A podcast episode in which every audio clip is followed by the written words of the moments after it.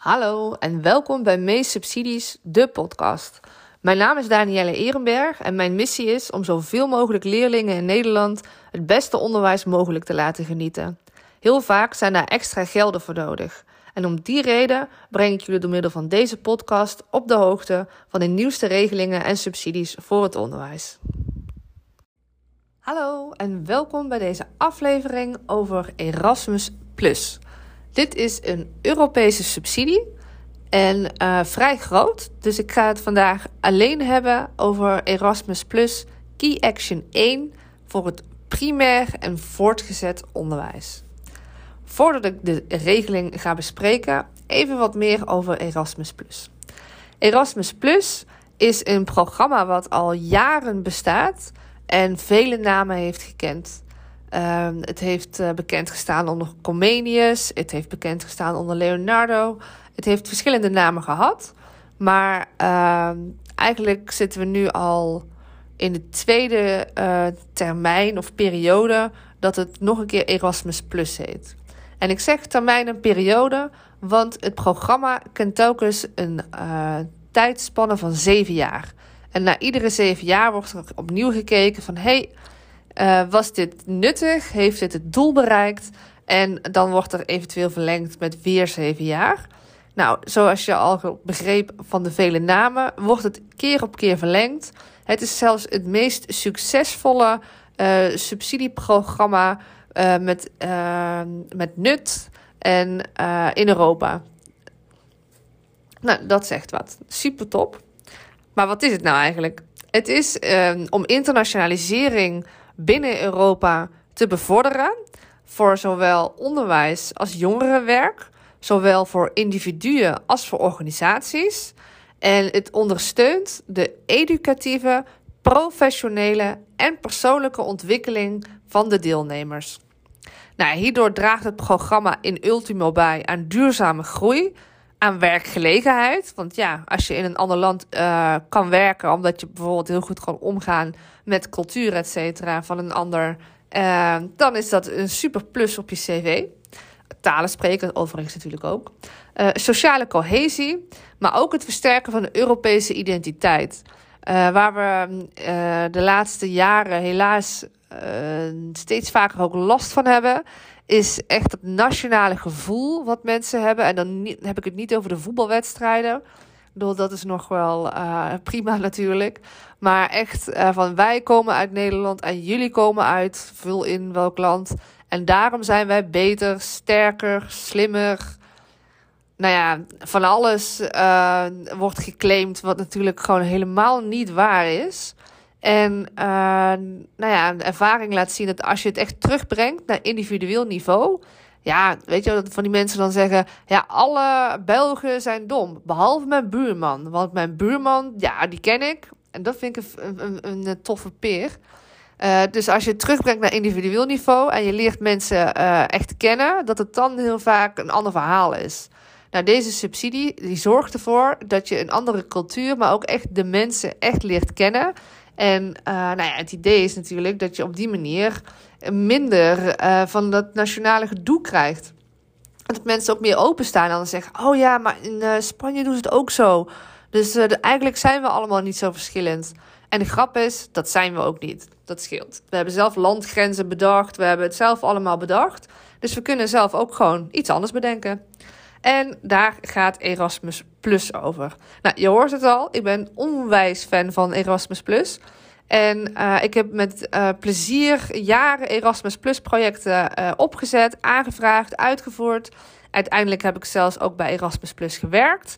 Gewoon, ik ben echt fan. Dus probeer daar ook een beetje doorheen te luisteren als je dit luistert. Want ik ben ook toen ergens begonnen.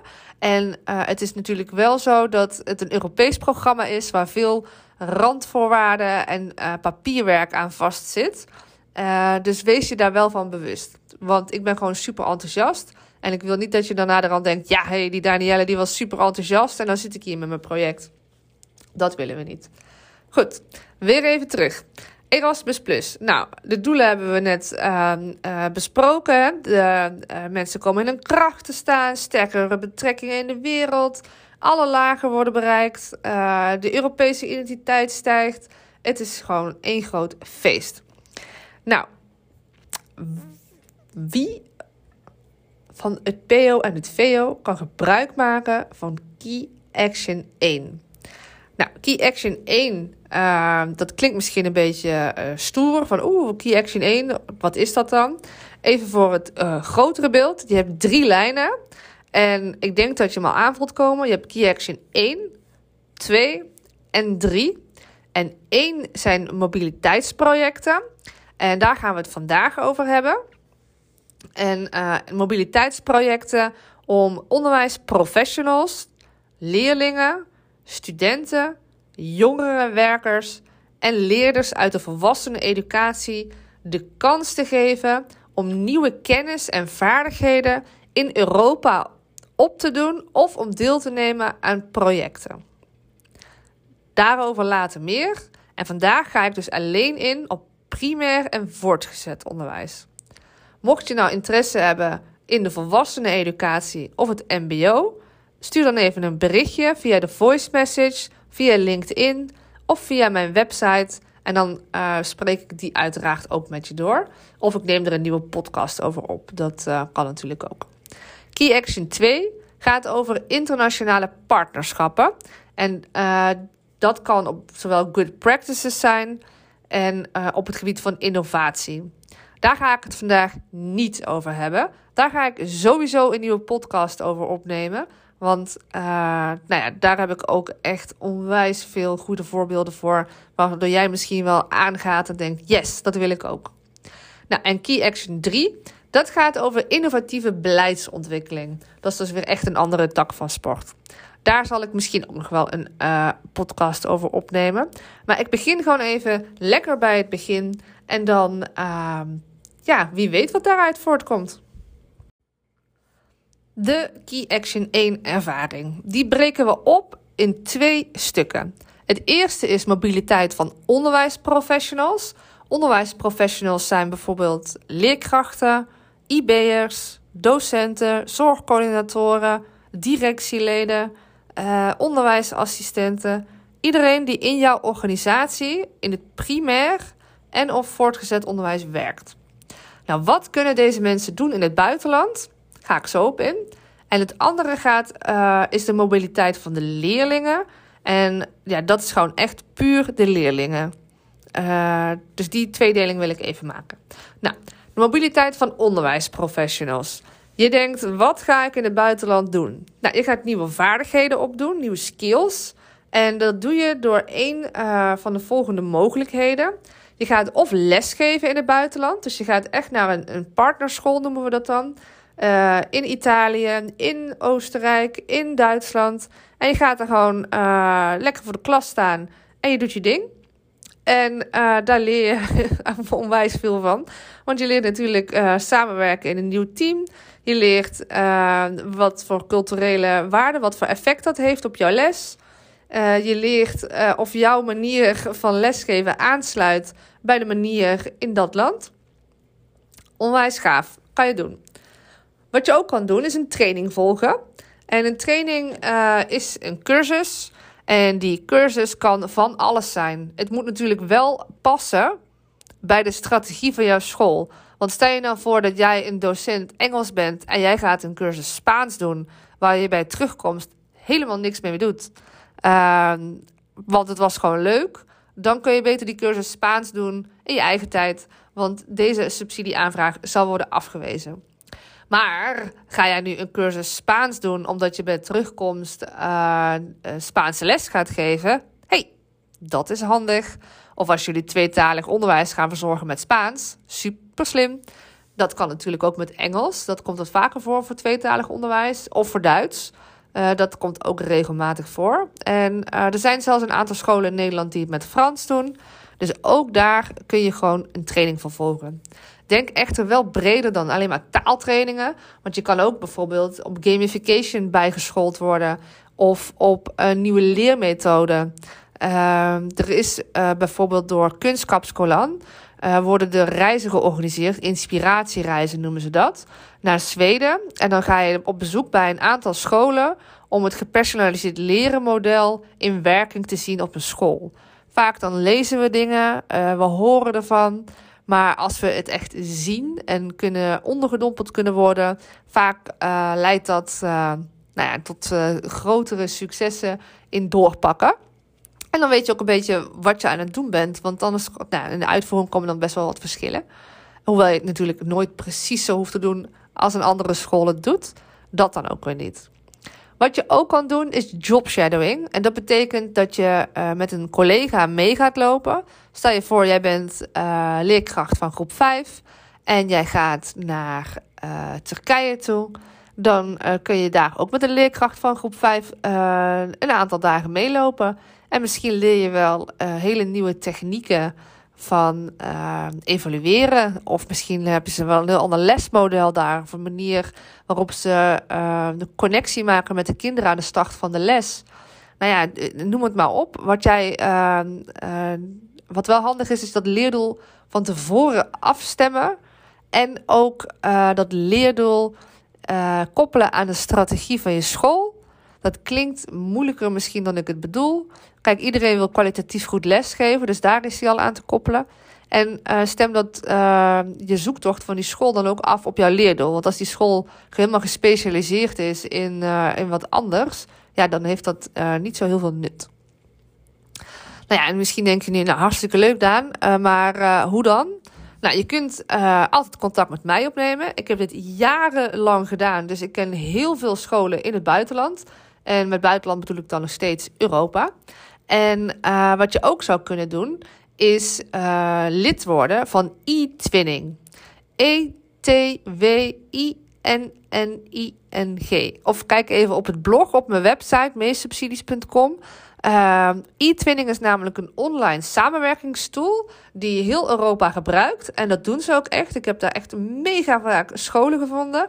Dan kun je een berichtje op posten, een soort prikbord. En dan zeg je: Joe, ik ben een school uit Rotterdam met uh, een klas die wil graag uh, uitwisselen. En dat willen we rondom het thema kerst doen. Daar begon ik namelijk mee met kerstkaarten sturen. En uh, dat is uiteindelijk uitgemond dat, dat we twintig projecten of zo naast elkaar hadden. Dus hè, het kan ook een uh, enorme vlucht nemen waar je bij staat. Maar um, dat kan. En even denken, wat je ook zou kunnen doen, is uh, gewoon navragen bij andere scholen. Want er zijn heel veel scholen die al wat stappen hebben gezet hè, op internationalisering. Dus dat je zegt van, hé, hey, ik weet dat jullie al jaren samenwerken met die school uit Portugal. En uh, mogen wij ook eens met hun samenwerken? Dan, uh, ja, weet je, dan, dan ken je die al een soort van, of dan heb je al een soort van referentie dat het een goede school is. Want dat is nog wel een dingetje hoor. Niet alle scholen zijn top. En ook niet alle cursussen die aangeboden worden zijn top. Uh, Erasmus Plus heeft zo'n uh, zo'n cursuszoeksite, School Gateway. En daar kun je cursussen op vinden. En daar heb ik ook heel vaak docenten en leerkrachten naartoe gestuurd. Maar de kwaliteit verschilde nogal. Dus doe wel goed onderzoek. En ik zit me ook ineens te bedenken: Europa noem ik de hele tijd. Europa, Europa. Maar wat is Europa dan? Europa zijn alle 27 EU-lidstaten, maar ook IJsland, Liechtenstein, Noorwegen, Turkije, Noord-Macedonië en Servië. En ook de Cariben uh, doen mee. Alleen de Cariben zijn Nederland. De Cariben is Nederland. De Cariben, nou, je snapt wat ik bedoel. Um, dat betekent dat als jij wil uitwisselen met een school in Aruba, kan je geen Erasmus Plus aanvragen, want dan zou je in hetzelfde land reizen. We weten allemaal dat het niet zo is, maar zo wordt dat gezien.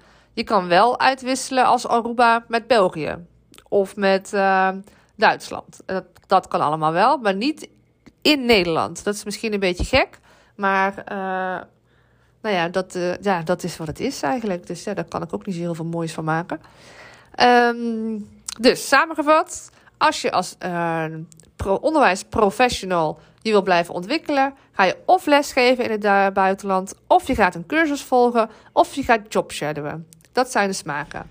Wil je een school vinden, dan kan dat via e-twinning. Wil je een cursus vinden, kan dat via School Education Gateway. Dat kun je op de website erasmusplus.nl vinden. Of je gaat hem uh, googlen, dan komt hij namelijk ook meteen omhoog.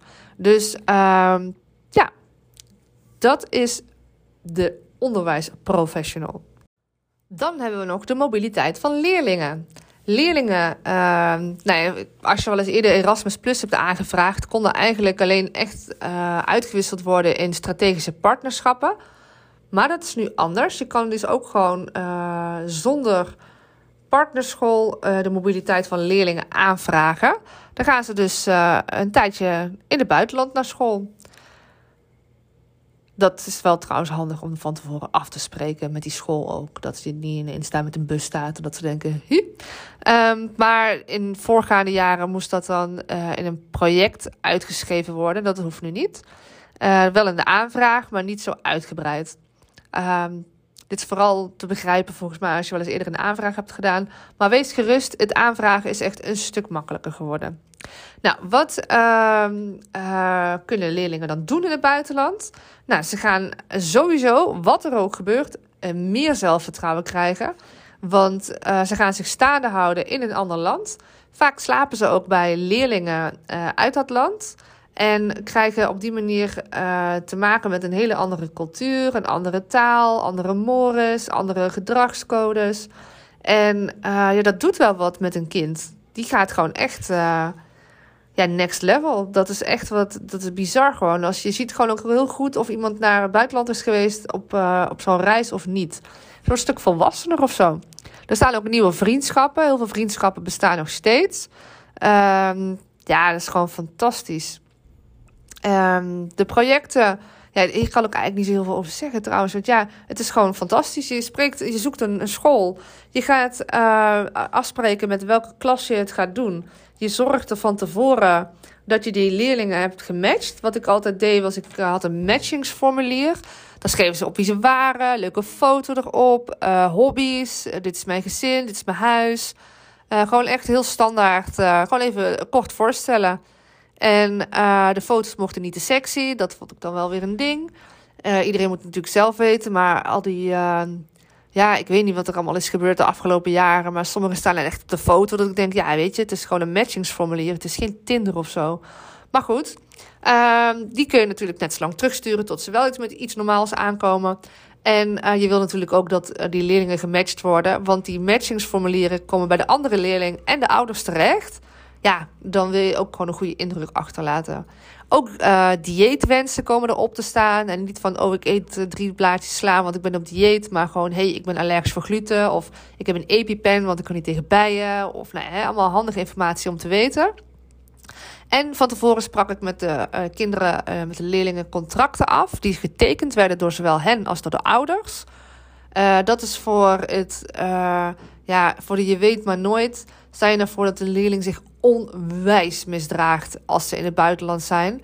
En dat je echt denkt, nou hier, uh, ja, dit, je moet gewoon terug naar huis. Nou ja, hoe je dat dan gaat fixen.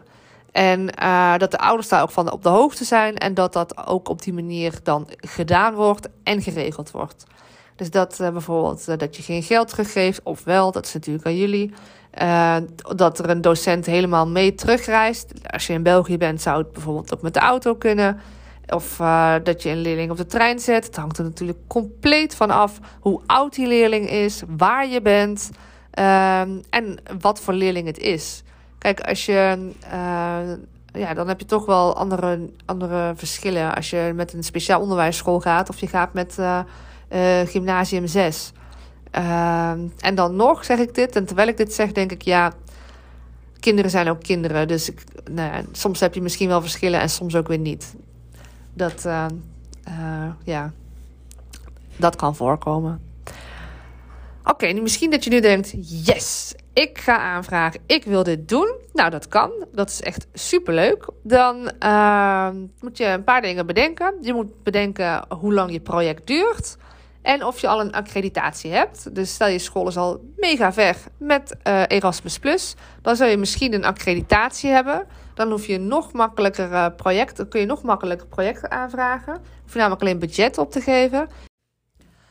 Nou, de projecten, als je uh, die aanvraagt en je bent niet geaccrediteerd, die duren 6 tot 18 maanden. En als je wel geaccrediteerd bent, dan kan dat langer.